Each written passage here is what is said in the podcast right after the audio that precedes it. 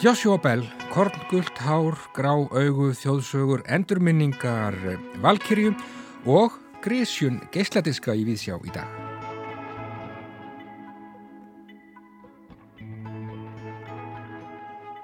Við ringjum í bandariska fyrirleikaran Joshua Bell en hann heldur tónleika í hörpu á sunnudag á samt píjónleikarnum Alessio Bax. Joshua Bell er einn fremsti og þekktasti fyrirleikar í samtímans en í viðtalnu segir hann frá samstarfið þeirra félaga, efnisgrá tónleikana og hugmyndum sínum um samfélagslegt hlutverk síkildrar tónlistar. Við ætlum líka að huga að alþjóðlegri ráðstefnu sem að framfer í Norrannahúsinu á morgun og á förstu dag. Í tilhefna því að þann 17. ágúst síðastliðin voru 200 ár liðin frá fæðingu Jóns Árnasonar þjóðsagna safnara.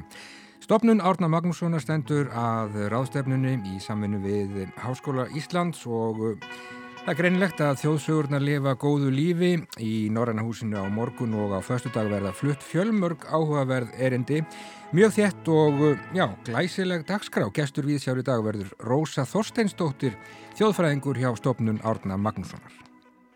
Berglind Marja Tómasdóttir, tónlistamæður og dósend við Listaháskóla Íslands heldur áfram að fara í gegnum geisladiska safni sitt og lefi hlustendum að vera með í því. Já og Gauti Kristmannsson, bókmyndagagrinandi viðsjár, hann fjallar í dag um skáldsöguna Korngult Hár, grá augu eftir sjón bók sem að er nýkomin út. Og Snæbjörn Brynjarsson fjallar um dragrevíuna Endurminningar Valkyrju eftir Ásker Helga Magnússon, Kamrún Korbett, Sigriði Eirúnu Freirugsstóttur og Sigurd Há Starr Guðjónsson. En þessi dragrevíja er sínd í Tjarnabíói. Já, einhvern veginn svona verður þetta hjá okkur í dag en eh, við byrjum að gefnu tilefni í þjóðardjúpinu. Brekku Ungulstaðarreppi Eyjafyrði 16. november 1969 Elisabeth Er, er 16. í dag? Já, Elisabeth Friðstóttir? Elisabeth Friðristóttir segir frá Vá, ég hef að tala í þetta. Já, þú veit bara horfa þetta að Nei, ég skal halda á þessu sko Ég skal halda þessu, þú skal getur að halda. Já, á morgun þá verður haldinn, já morgun og á förstu dag raunar, þá verður haldinn mikil ráðstefna út í Norranna húsi. Tilefnið er einfallega það að þann 17. ágúst síðastliðin þá voru 200 ár hliðin frá fæðingu Jóns Árnasonar þjóðsagna safnara. Jón, auðvitað svona góðsagna fígura í okkar menningarsögu vann þetta mikla starfað safna þjóðsögunum og æfintýrum og gefa þau út í Leipzig árin 1862 og 64. Hún er komin hinga til með hún Rósa Þorsteinsdóttir, hún er þjóðfræðingur hjá stofnun Árna Magnússonar, velkomin í Víðsjá. Rósa, sko ég var að fara bara í gegnum dagskrána og það kom mér á óvart hvað þetta er rosalega, hvað er rosalega margir sem að koma fram og hversu fjölbreytt og já, bara glæsilegt þetta er. Já, þakka ég fyrir að segja það, taka eftir því. Það, e, við vorum svo heppin að, að ríkistjórnin ákvaða að halda daldið upp á þetta ammali hans Jóns. Og það er nú búið að gera það tvísvar á árinu, fyrst á ammælistægin Norður og Skagaströnd þar sem mm. hann fættist og svo í landsbókasafninu þar sem var talað daldið um svona Jón Átnarsson mannin, fjölskylduna, fjöl, fjölskyldu tengsl og, og hann sem landsbókavörðuð þetta og, og fleira í þeim dúr. Fyrsti landsbókavörðurinn? Hann var fyrsti landsbókavörðurinn, já. já. Og svo við, okkur fannst uh, gaman að taka svolítið annan vingil á þetta líka og tala aldrei um þjóðsögurnar og ekkert endilega bara um þjóðsögur Jóns Átnarssonar heldur líka bara nýja rannsóknir á þjóðsögum og í þjóðsögnafræðum en líka horfadaldið á þetta tímabil þegar hann var að sapna þjóðsögum að þarna á 19. öldinni og setja þetta aldrei í svona samhengi við það sem var að gerast í öðrum löndum Já. og svona ströym á stefnur sem voru í gangi á þeim tíma. Já, menn eru náttúrulega að sapna þessum sögum uh, víða um lönd svona í kjölfar þjóðurnisvakningar á 19. öld. Já, það var svona bylgja. Já, auðvitað, það er hérna, það koma þarna út sko ævintýr, grímsævintýrin 1812 fyrst og svo, svo, fara, svo koma sagnirnar þeirra sem eru sko þískar sagnir, Deutsche Sagen og það er kannski þá sem að einmitt fyrir að koma þessi þjóðernis hugmynd inn í þetta, inn í allt þetta mál. Þetta sé líka hluti af því að vera þjóð að eiga þessar þjóðsagnir. Ég get látið þig heyra eina sögu en það er bara, hún heyrir til nútíðinni en það er bara það verst að við að, að ég get ekki fætt neginn stýringarök yfir það, það. hún er svo ótrúlega að, að það er nættum ekki nokkur, nokkur sem að segja að fært að þig að færa hana til, ja, til nokkur hlutar. Og þó er sagan eitthvað Já. Já, menn voru svona að hlusta einhvern veginn á þjóðar, þjóðarsálina, segja í þjóð, þjóðardýpið, finna réttur öll þjóðana. Grímsbræður hafa mikið áhrif á Jón, sko þetta er, þetta er alþjóðlega ráðstefna, Rósa, og, og, og þú talar um nýja rannsóknir. Er, er mikið að gerast í, í rannsóknum á, á, á, á þessu efni? Það er tölvöld mikið að gerast í rannsóknum á ævintýrum og er, hefur alltaf verið og alltaf verið að horfa á ævintýri út frá nýjum og nýjum sjónarhortnum. Já. Og okkur langaði þetta aldrei til þess að fara inn í það, til dæmis sko, tengslæfintýra við bókmentir, bæði nú tíma bókmentir og eldri bókmentir og þá hvaðan eru ævintýrin komin, eru þau komin úr bókmentum eða hafa þetta verið munmælasögur sem hafa síðan orði bókmentir eða hvernig, hvernig er þetta alls saman? Já.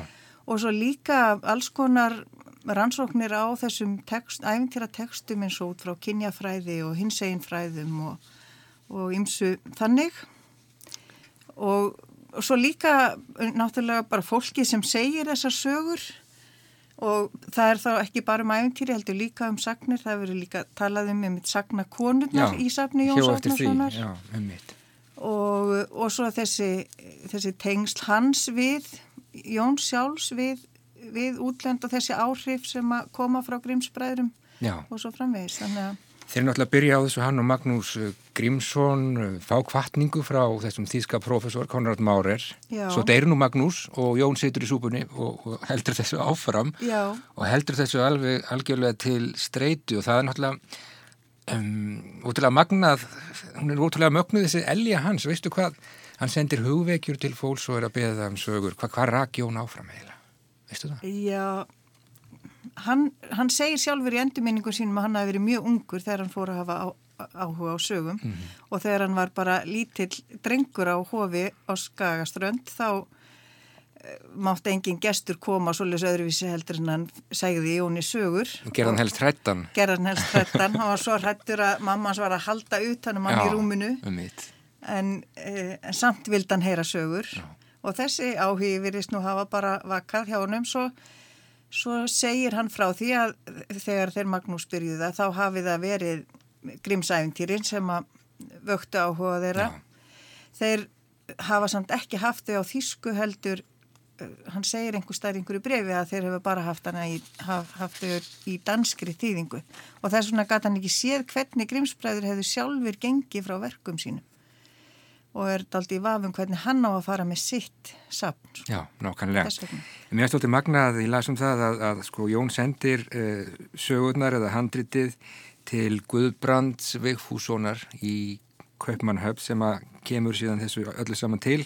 Konrads Már er í munn hérna og þar uh, fyrir Már er með þetta efni í hendur þíska setjara og prentara sem skildi ekki orðu í, í íslensku. Þetta er, þetta er verið ansi áhættisamt. Já og Mára er stundum pyrraður á þessu af því að Jón skrifar allar leiðbenningar um prentun og tilsetjar hana á spásíðunar á íslensku þannig hann þarf auðvitað að þýða það fyrir þá á þýsku mm -hmm.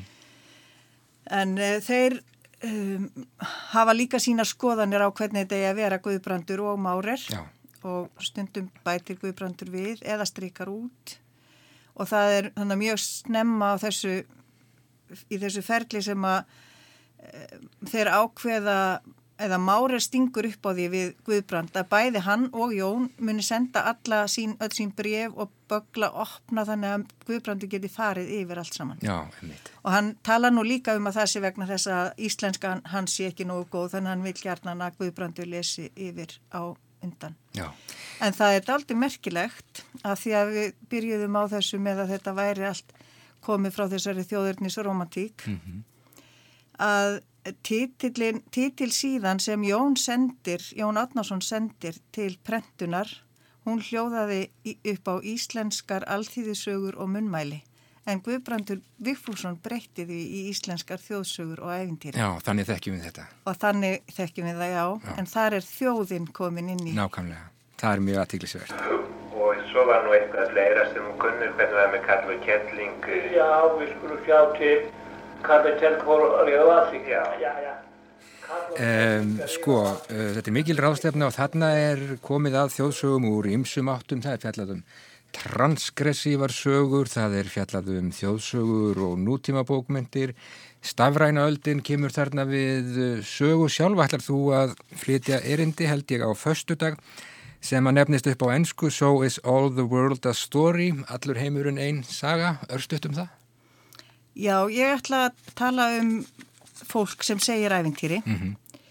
og ég hef, sjá, hafi, hef fyrir nokkrum árum rannsakað sagna fólk sem að var tekið upp á segulband á mest á 7. og 8. áratug síðustu aldar og reynda að sjá hvernig þeirra lífsviðhorf og heimsín og, og jafnvel þeirra eigin lífsreynsla kemur fram í sögunum sem þau segja og ég fann að það var hægt. Og nú er mér farið að langa til þess að aðtöku hvort þetta er líka hægt með sögur sem að komu í Sapn Jóns Átnasonar.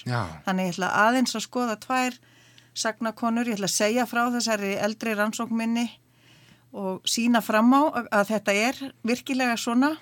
Og svo ætla ég að skoða aðeins tvær sagnakonur sem að eru í safni Jóns Átnarssonar eftir annar er að skrifaði hann sjálfur en hinn sem að á, áraðanlega stæsta sagnasjóðin í safni Jóns Átnarssonar af nafngreymdum sagnamönnum og konum Eh, sögurnar hennar voru skrifaðar á ungum dreng austur í fljótslýð og hún var sjálf niðursetningur. Já. Þetta er mjög aðeglisvert og verður, verður fróðlegt að heyra af þessu og öðru efni sem að borið verður fram í Norrannahúsinu þú talar á förstu dag en þetta hefst allt saman í Norrannahúsinu á morgun fymtudag, bara klukkan half 11 eitthvað svo leiðis og stendur yfir Já, báða þessa daga mjög margt í bóði, mörg erindi og greinilega mjög mikið í þetta lagt. Ég segi bara takk fyrir komuna í Víðsjá Rósa Þorsteinsdóttir og til hemingu með Ammæli Jóns Árnarssonar og gangið vel. Takk. Takk fyrir. Og, og þeim leð svo ágætlega eftir þetta en þau höfðu alltaf koparhurðina í miklum heðri. Já, þetta er nú sagan held ég. Hún er ekkert merkileg. En ég lærði þess að sögu af ömmu minni þegar ég var sex ára gömur. En mig minnir nú bara endil ég hef einhverstað heilt en að samt getið. Já, við heyrum hér síðast í Sagnakonu Elisabetu Fridriksdóttur frá Brekku í Kaupangsveit í Eyjafjörðarsíslu. Fjölbreytt dagskrá á málþingi sem að helgað er Jóni Árnarsinni þjóðsagnasafnara í Norrannhúsinu á morgun og hinn mjög fjölbreytt dagskrá og mörg fróðleg erindi, þetta er alþjóðleg ráðstefna. Það var Rósa Þorstinsdóttir sem að sagði okkur frá, hún er sérfræðingur hjá Árnarstofnun þjóðfræðingur við heyrðum líka í þessu einslægi í friðfinni Runólsinni sem var vinnumadur fættur í Jórvíkur hjálegu í Hjaltastaða Þingá í norður Múlasíslu búsettur á Kórek stöðum. Það voru þeir Hallfríður Örn Eiríksson og Jón Samsonarsson sem að tóku upp þetta góða sagna fólk og sjálfsagt að benda fólki á það að kynna sér mjög fróðlega dagskrá í Norrannhúsinu á morgun og á hinn. Dásanlegt að heyra þessar rættir úr fortíðinni. Já. En meira bókmyndum Gauti Krismansson, bókmyndagagrínandi Vísjár, einn af þremur reyndar, sem er að setja sig í gýrin þessa dana. Hann hefur verið að lesa Splungun í að skálsögðu eftir sjón, bók sem heitir Korngult hár, grá augu. Við gefum Gauta orðið. Við lifum á viðsjárverðum tímum. Nú, eftir áratuga frið í Evrópu, ef frá eru talin þjóðurnistriðin á Balkanskaga undir lok síðustu aldar, eru óværu rasisma, fasisma og hreins nazisma farnar að reka sína íldu þæfjandi hausa upp úr forarvilpum sínum og jafnvel farnar að hafa áhrif í stjórnmálum sumra ríkja, beint eða óbeint. En þessar óværur hafa aldrei verið fjarrri, þótt lengi hafið verið í felum meðan sögulegt minni okkar var nægilega ferst til að vita hverskins var í Þískalandi nazismans. Eins og kenningeins sakfræðings hljóðaði eftir minni höfð, svona 60-70 árum eftir atbyrði hverfa þeir úr minni lifandi fólks og verða aðeins sakfræði og snerta fólk ekki á sama brennandi hátt og meðan til var fólk sem myndi atbyrði. Og nú eru hörmungar síður í heimstýraldra hverfur minni flestra núlifandi og fjarlægin við þær er nú orðin söguleg og miklu fremur undir orpun tólkun heimilda. En munn voru byrjaði miklu fyrr eins og þessi nýja novela sjóns Kordgult hár grá augu sínir fram á í raun. Því hún er söguleg skáltsaga byggð á heimildum og notar meiri sér raunverulega personir í sömum tilfellum. Að minnst að kosti það sem um útlætinga á borði George Lincoln Rockwell og Savitra Devi Mukherjee er að ræða. En söguhetjan Gunnar Kampan er byggð á ungum manni Bernhard Horde sem einnig mann í banka og lést ungur líkt og Egil Helgason rekur í pistli á D.A.V. Þetta var þessum tíma líkt og við upp af nazismans miklu tengdara dölhyggju. Dölhyggjunu frá þar síðustu aldamátum þegar allskynns guðsbyggikenningar og trú á yfirskilvillega hluti tröllriðu öllu með fólk eins og Jelenu Blavatski í farabrotti sem spann upp ímsar hugmyndur um guðsbyggi, aria og fleira upp úr hinduisma. Það er einna kostunum með þessa sögu og sögulega skáltsöguna almennt að hún gerir höfundum og lesendum kleift að nálgast þessa sakfræðilegu atbyrði aftur. Ekki eins og þeir nákvæmlega voru, heldur tilfinningarlega. Þannig að við getum sem lesendur sett okkur í spór þeirra sem áður livðu séð og skilið atbyrði frá fleiri sjónarhóttnum og vonandi náð vitrætni tengingu við fortíðina á grundvelli tilfinninga og raka. Þannig hefur sögulega skálsagan mikilvægt hlutverk í sjálfshugsun, héraða, þjóða og stærri svæða þýra skipta eins og sjáma af síðari heimstyrjöld til að mynda. Hún er auðvitað ekki einlít, það eru líka til áróður sögu sem afbaka myndina enn frekar.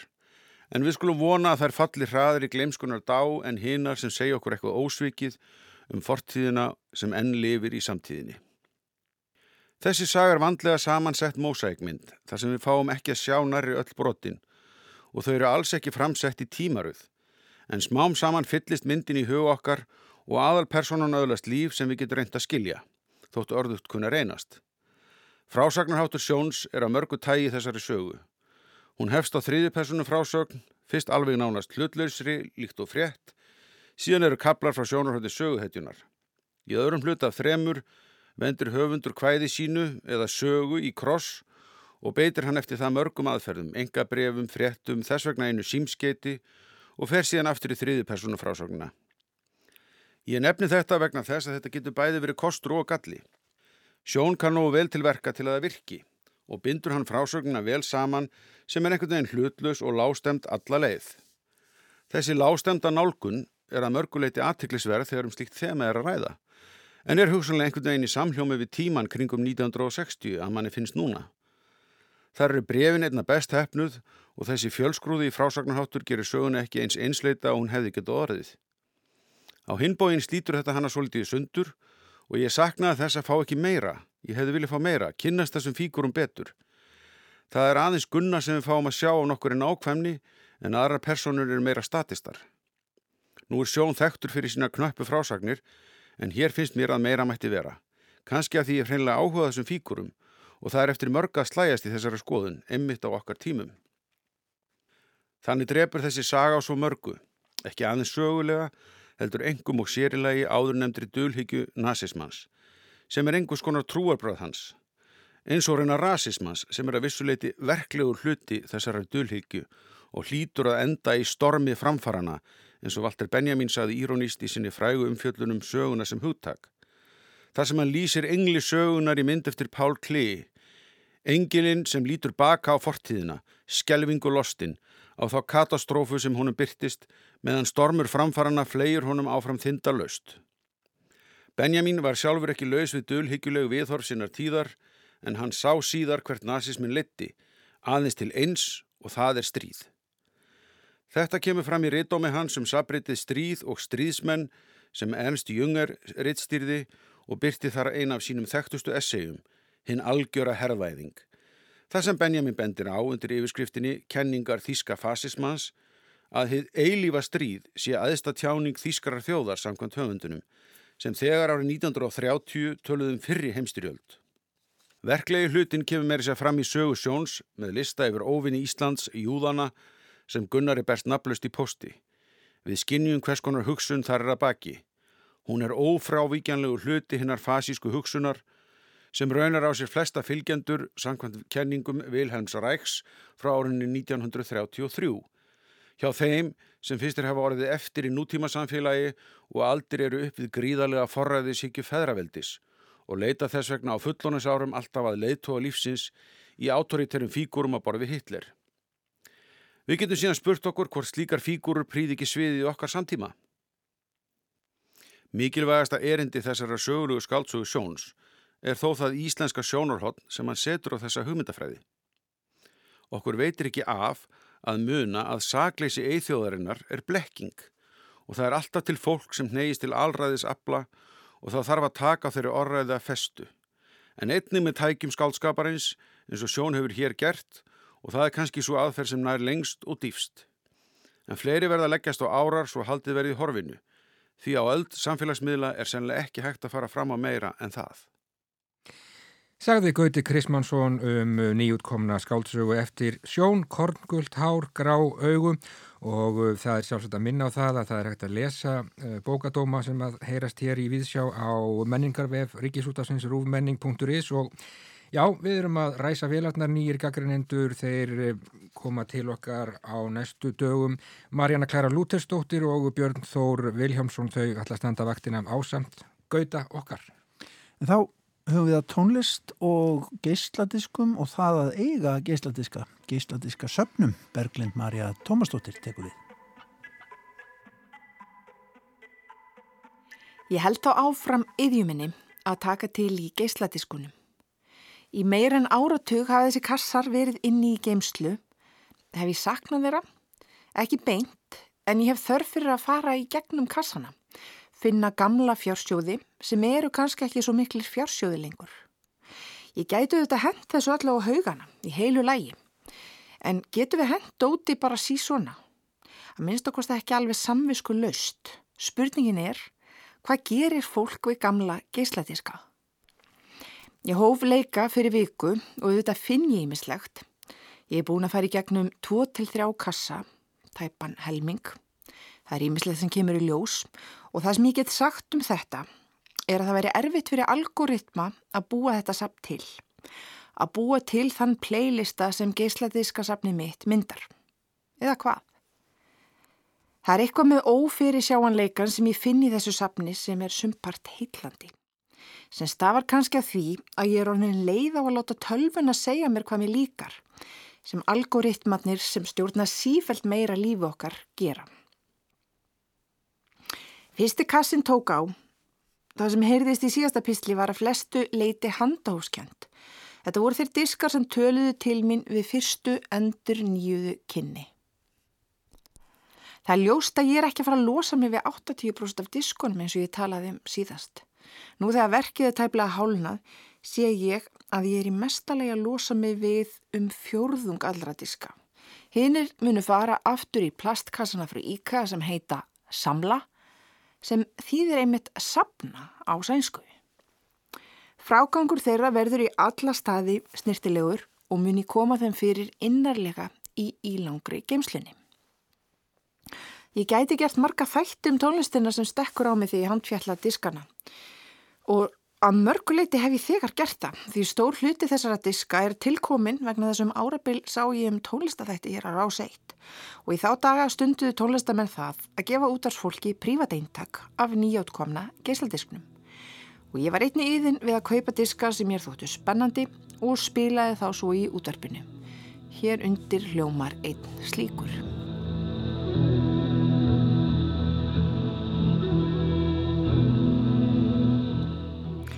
Þetta er hann Geir Jensen, betur þekktur sem Biosfer. Hann er norskur ráftólistamæður og þetta er diskur sem inniheldur vettvangs upptökur úr fjallgöngu hans á Tjó-Ói, tindur sem liggur á landamærum Tíbet og Nepal. Diskurinn kom út árið 2006 og er gífurlega fallegur í útliti. Lögunin er ekki hefðbundin geisladiska lögun og því rekst hann illa í hillu eða rakst illa í hillu öllu heldur.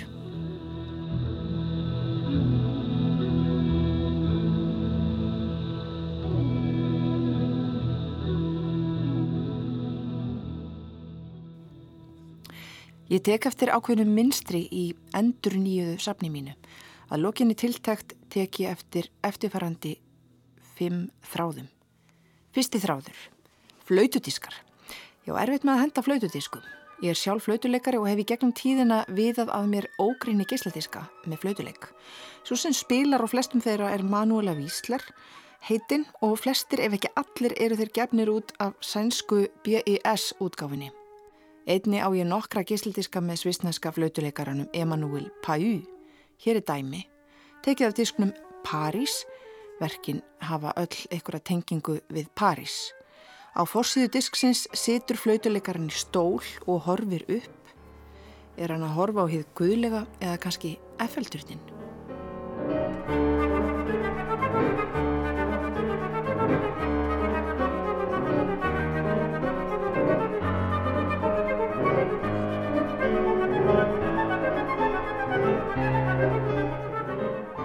Annar þráður í safni mínu, diskar með fólki sem ég þekki. Jafnvel þótt ég viti að ég eigi ekki endilega eftir að hlusta þá í náinni framtíð. Í þessum hópi er fólk sem ég þekki jafnvel bara afar lauslega og ég sé á aðtugunum mínum að margt þeirra hefur ekki haft fyrir því að setja diskana á netið. Þannig finn ég diskin dagbókarbrót með Þórinu Ósk Marnósdóttur og Steinunni Byrnu Ragnarsdóttur á Spotify sem ég vel að merkja geimi einhverja síður í geisladiskasafninu en ekki diskin Monologues Dialogues með Rúnari Óskarsinni á sömu veitu. Spila ég því brotur honum hér með kvartningu um að koma honum á Spotify.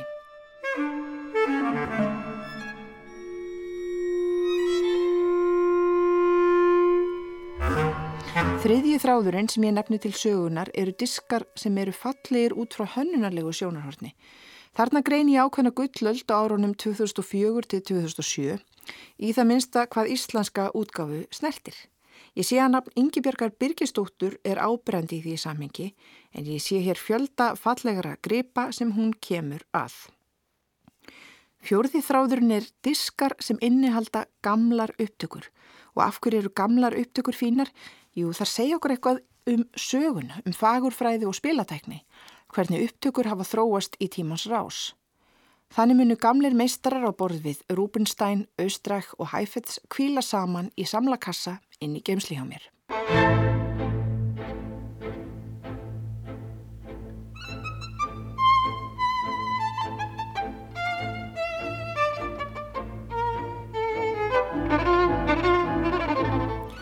Fymti og síðasti þráðurinn er einfallega góðir diskar diskar sem ég bara fæ mig ekki til að henda, jafnvel þóttir séu og verði að eilifu fáanlegir á öllum heimsins stafrænu veitum. Tónlist sem er út um allt. Ég endaði síðasta pistil með lægi af meistaraverki Loren Hill frá 1998 sem er eitt fara diska sem er hættur að virka sögum áspilinnar. Ég geim hann samt. Hér er annað dæmi af hilstiftu meistarverki, konceptplötu frá þeim árum þegar verið var að finna upp fyrirbærið konceptplata verk það sem er unnið með ákveðið þema. Það er því hægt að kalla blötuna What's Going On með Marvin Gaye, sannkallaðan Söngvasveig.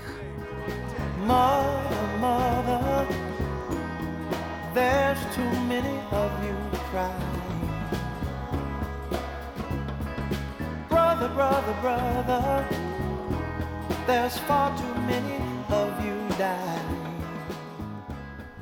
Ok.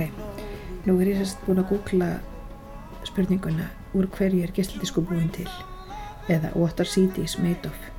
Og kemur í ljós að geysladiskar eru búin til plasti.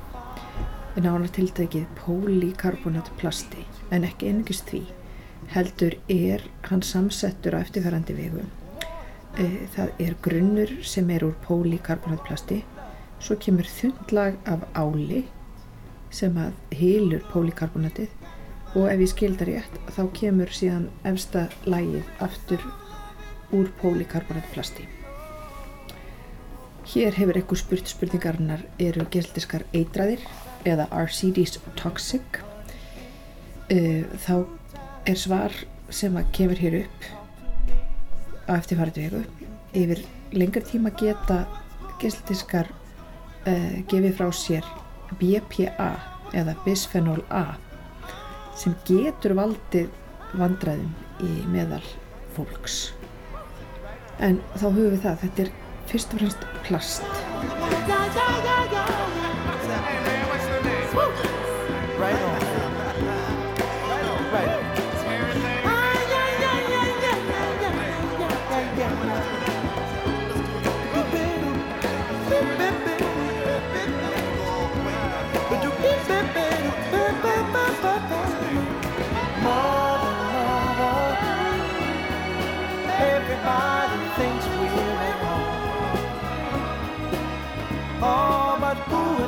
Judge us? Simply cause our hair is long. Oh, you know we've got to find a way. Bring some understanding here today. Oh, oh, oh. Pick it loud and pick it sound. Don't punish me with brutality.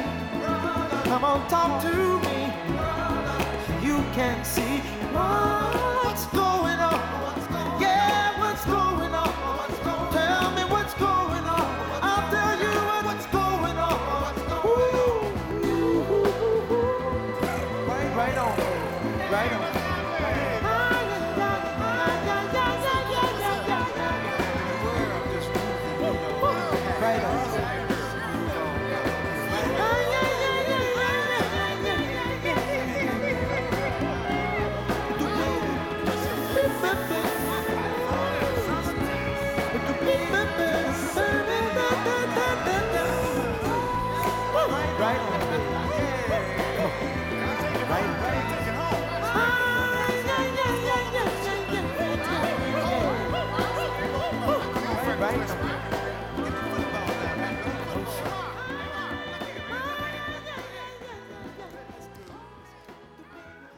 Marvin Gaye að syngja fyrir okkur. Það var Berglind Marja Tómasdóttir sem að sagða okkur frá því hvernig það er að grísja sig í gegnum eins og eitt geisladiskasafn.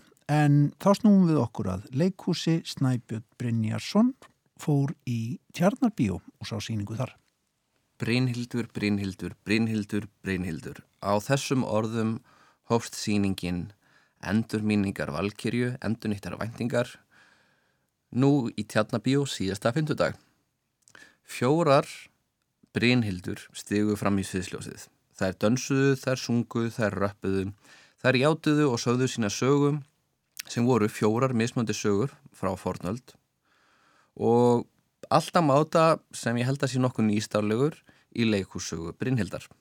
Sagnapersonan Brynhildur er nefnilega ævaforn eins og var vel rakið í leikhúsunum. Fyrsta útgáfan var Brynhilda, eigin kona Sígberts Frankakonungs prinsess af Ástrasjum sem lifði eins og svo margar Brynhildar sem síðar komu engar melodramatísku lífi.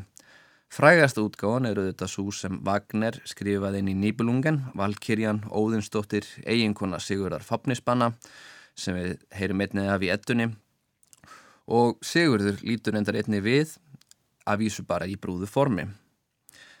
Það er ekki tilumni til að reyka alla þessa fjóra sögur hér en ljóst er að innblóttu síningarnar kemur bæðu fortkvæðum, óperum og öðrum Brynhildar tengdum skáldskap. Síningin snýst nefnilega ekki svo mikið um sögu hennar heldur ímyndina þessara kvennhetju, prinsessu, elskuga, stríðismanns og síningin er líka dragsíning. Höfundar hennar eru dansararnir Ásker Helgi Magnússon, Cameron Corbett, söngkona Sigriður Eirón Fredriksdóttir og draglistamæðurinn Sigurður H. Starr Guðjónsson. En flytjendu verksins eru Agatha P., Faye Knús, Gogo Starr og Sigga Eirón. Þetta eru allt saman magnaðir performerar. Sigga Eirún á mikil tilþrif sem rappari og er kraftmikil söngvari. Gogo Starr er ótrúlega fyndin sem en íslenska útgáða Brynheldar og bæði Agatha P. og Fake News eiga mjög voldugar senur sem dansarar. Það kemur nú ekki selja á óvart því Ásker og Cameron eru gríðilega reyndir og hæfileikar ykkur dansarar. Og ég vona þeirri eftir að skapa fleiri dansverk á næstunni. Ég hafði að vísu ekki séð Gógó Star eða Sigurð áður á sviði en hann finnst mér að vera efni í mjög góðan gamanleikara. Sigriður Eirúnu hef ég séð á sjaldan á sviði. Ég vona innilega að hún fá meira að gera í íslensku leikúsi á næstunni. Stór hlutverk í söngleg eða eitthvað álíka sem gerir henni kleift að njóta sín því hún var alveg hreint útsagt mögnuð í þessari uppfæslu. Júlíanna Lára Stengriðsdóttir hannaði búninga og sviðsmynd og hún leikur sem er gamla leikús klísjur. Maður áttar sér strax á því að það er klamfengin húmor í fórgrunni þegar maður sérst niður og sér fortjaldið þar sem engar glæsilegir farlugslaga kastalaturna rýsa, háir og breyðir í fjaska. Það er líka húmor í búningunum sem segja innblástu sinni vikingamótif og vagnerísk minni en þeir eru mjög vel hefnaðir, silfraðir og stílhreinir. Því meður, mér til mikill að vambið voru ekki búningaskipti eftir hlýja en síningin og litt svo mörgum öðrum í sjálfstæðarsinu kom með hlýja og það þóttu mig miður því það hefði verið gott tækifur til að hrista aðeins upp í henni. Tónlistin kemur svo úr öllum áttum, óperum, poppi á samt frumsöndum köplum. Tekstasmiðin var þannig að maður skellti oft upp úr, þetta voru nittnir og velfluttir tekstar en ég verði átta með fannst synd að verkið væri á ennsku. Það er kannski óhjákamlegt þegar eitt flytjandana er ekki með þannig tök að hann eða hún treystið sér til þess að flytja verk á íslensku en ákvörðunin er kannski líka skiljaði út frá því sjóna með að mikið lagatekstunum sem notaður eru, eru sem ekki eru frumsandir er á ennskum. Í heldina litið er þetta fersk og skemmtileg síning. Hún ætlar sér ekki að svara djúpum, rannsóknarspurningum eða er með einhvert samfélagslega skilabóð eins og eiginlega alltaf mikið að verkum í sjálfstæðisauninni ætlar sér. Þetta er dragsýning sem tekur sér ekki of alvarlega og kemur mann í gott stuð fyrir helgina. Ef fólk vil sjá söng, dans, mísklúra, gaman þætti, þá er þetta ágættis valmöguleiki. Personulega þá held ég að ég hef ekki skemmt mér eftir vel á nokkur öðru verki þetta haust og vona að aðdándur dragsins á Íslandi passu á að missa ekki á þessari kvöldskemtun. Sagði Snæbjörn Brynjarsson um endurminningar Valkyrju dragrevíu sem að sínd er í tjarnar bíói og já, Snæbjörn hann skemmti sér bara bísna vel á þessari síningu en þá snúum við okkur að tónlist. Við heyrum nokkra tóna frá manni sem að er á leiðinni til landsins.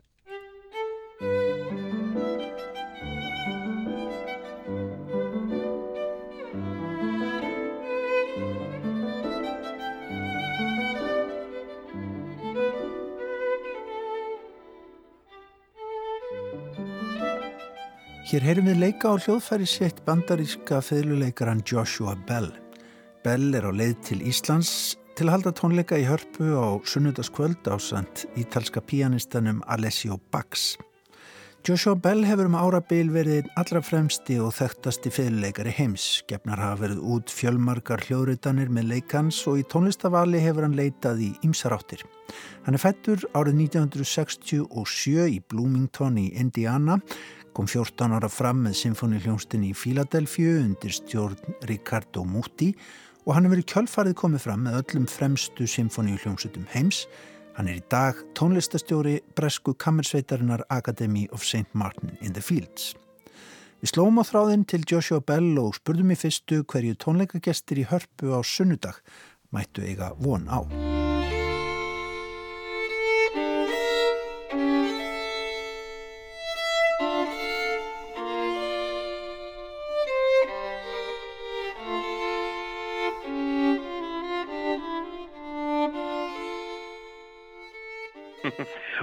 You know, this is a violin and piano recital, so it's the last time I came to play at at Harpa, um, your amazing concert hall. Really, I just fell in love with the place. Uh, but the last time I came, I came with my orchestra from London, the Academy of St. Martin in the Fields, and we we had a fantastic experience. So I'm I'm excited to come back in, in a more intimate environment, really just just the piano and violin. Um, because it's a recital, we, we we do many different composers and, and sort of a tasting menu of uh, classical music uh, that ranges uh, several hundred, a couple of hundred years. Joshua Bell segir að þessir kammertónleikar á sunnudag með fiðlu og píanói séu eins konar smakk seðill fyrir tónlistar bræðlögana.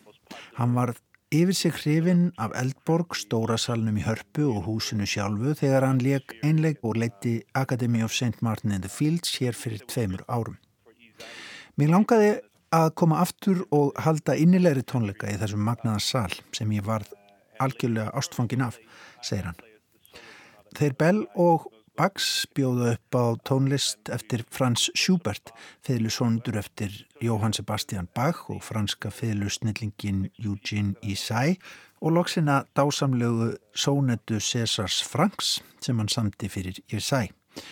Þannig að þetta verður fjölbreytt, segir Bell, sem er spenntur fyrir Íslandsferðinni, hrósar meðleikar sínum og vini Alessio Bax í Hástert. Oh, well, I'm excited to, to uh, start my tour with Alessio Bax. Uh, actually, Reykjavik will be our first concert. Then we come to the States for a tour there. Um, I've known him for about 12 years. We played together at the Verbier Festival in Switzerland. A wonderful pianist, wonderful musician, and, and, and great guy. And, and uh, uh, we're also looking forward to discovering uh, some restaurants. I, I, think his wife is coming to join us as well, and and uh, he and I are both big foodies. So we, we he's already made a reservation at uh, at some restaurant in, in. Þetta eru fyrstu tónleikar þeirra á nýju ferðalagi sem heldur áfram í bandaríkjunum. Við höfum þekst í einhver tólf árið að svo og erum góðir vini, segir Bell. Við spiliðum saman á Verbier tónlistarháttíðin í Sviss. Bax er frábær píanisti og tónlistarmadur. Við ætlum líka að fá okkur eitthvað gott að borða í Reykjavík Bax er mikill matgæðingur og ég líka og hann er vist búin að panta borð fyrir okkur og konuna hans á einhverju veitingahósi sem á að vera mjög gott. Þannig að þetta verður spennandi. Ég náðu ekki út úr bell hvaða veitingahós það átt að vera. En hvernig er það með einleikara af þessu kalberi sem að ferðast um allan heim með hljóðfæri sitt koma einhverjir dagarinn á milli þegar hann hugsar ekki um tónlist? um, well...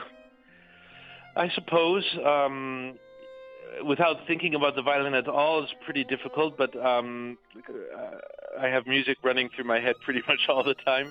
And uh, but but uh, I do take days off. I think it's actually really important for me to get away from music. I have many other interests. Um, I love sports. I love uh, reading. Uh, I'm bringing back tennis. I used to be quite as a as a kid. I was I used to do a lot of athletics, tennis and basketball, etc. Starting to do um, more of that again lately. Um, with my boys, I have three three boys. So um, so yeah. So but if I can, if I can afford to, to if I have a week free, which is rare, I usually try to take three or three or four days really without uh, uh, music, and then I it sort of refreshes me and I'm excited to get back into it. So um, yeah, not, I, I do take breaks. Já, ég held það, segir Bell. Við kennir samt að það sé erfitt að hugsa alls ekkert um fyluna. Tónlistin streymir eiginlega gegnum hausun á mér nánast alltaf, segir hann hlægandi. En ég tek mér fríta, það er mikilvægt. Ég elska íþróttir, lestur og vísindi. Ég var mikið í tennis og körfubóltað þegar ég var yngri og er að byrja á tennisnum aftur með strákunum mínum þremur. Vikurnar sem ég er ekkit að koma fram eru fáar en í þeim reyni ég að taka þrjá fjóra daga í frí og það er endur nærandi.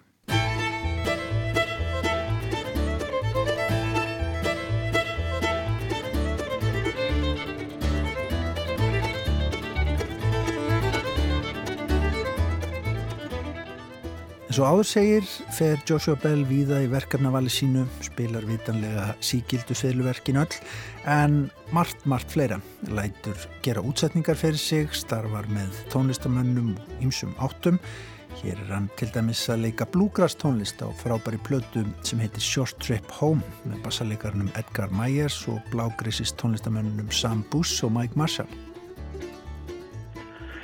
Yeah, well, you know, I, most of my life is is uh, consumed with studying and bringing to life uh, works that were written off mostly by dead composers, you know, from other centuries, and it's an amazing uh, experience and, and, and wonderful thing to do because this music is still very relevant today. It's it's not just a historical artifact. It's their music, just like classic novels, are speak to us today.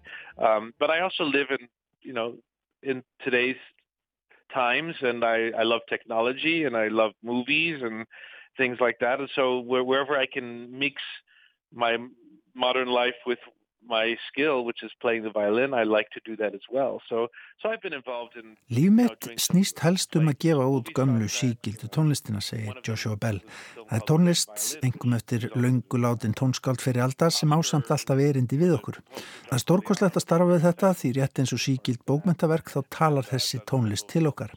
En ég lifi líka á okkar dögum, elska tækni og kveikmyndir og nýti tæki verið þar sem ég get blandað hæfileikum minnum við önnur svið listana.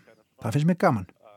Hann hefur því leikið tónlist í kvikmyndum, leikið sjálfan sig í sjónvastáttum, komið fram með ymsum tónlistamönnum og öðrum greinum, hann hefnir Chick Corea, Branford Marsalis, Sting og fleiri í því sambandi og hefur orðið var við það að það hafi opnað heim síkildrar tónlistar fyrir nýjum hlustendum. Joshua Bell starfar líka að ýmsum verkefnum sem miða því að koma upplifun af tónlistin í bandarist skólakerfi. Hann segir ekki veita af slíkum verkefnum.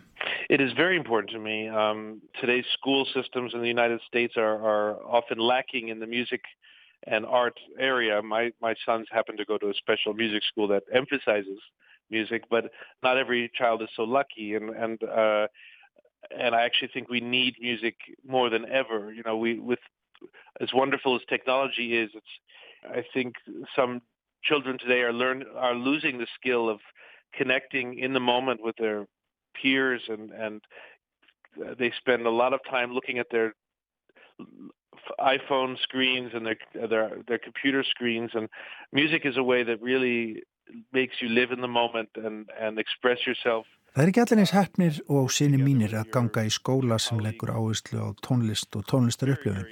Það skortir víða á þetta hér í bandaríkjanum. Að mínum matið þurfum við núna meira á tónlist að halda en nokkur sinni fyrr. Eins ágætt og tæknin getur verið þá verðist hún stundum verið að læsa börnin og úlíkan okkar inni þannig að þau eiga erfiðara með að tengjast jafnöldrum sínum.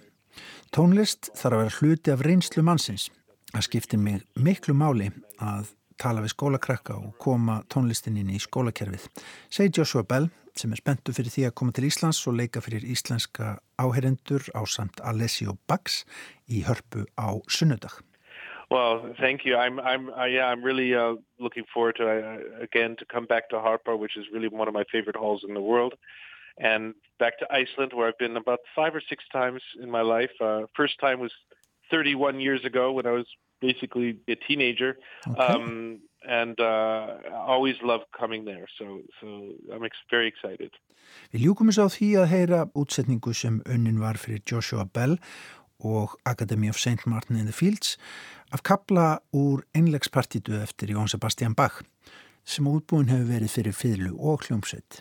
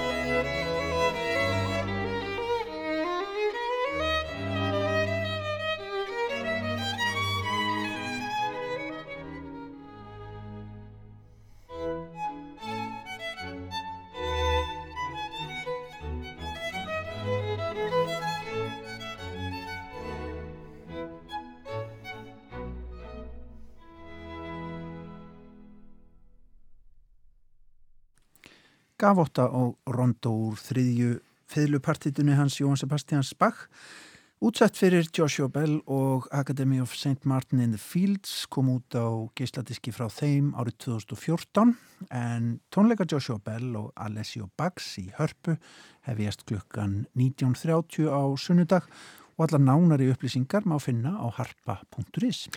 Já og þar með er dagskráin einlega tæmt hjá okkur í Víðsjá í dag. Það er rétt hér í lokin að minna á beina útsendingu frá Listaháskóla Íslands í laugarnesi á morgun. Við ætlum að slá saman lestin og Víðsjá og já, sitja í tvær klukkustundir og ræða um listir og listnám, lífið og, og starfið í skólunum og sitt hvað fleira. Kjensla í skólanum hófst árið 1999 þannig að það er um að gera ræða já, áhrif hans á Íslands samfélag. Já, við horfum aftur í tíman og við horfum líka fram á veginn en tökum líka stöðuna í þeim takmarkaða tímanspunkti sem er nákvæmlega núna. Takk fyrir samfélgina, verið sæl. Verið sæl.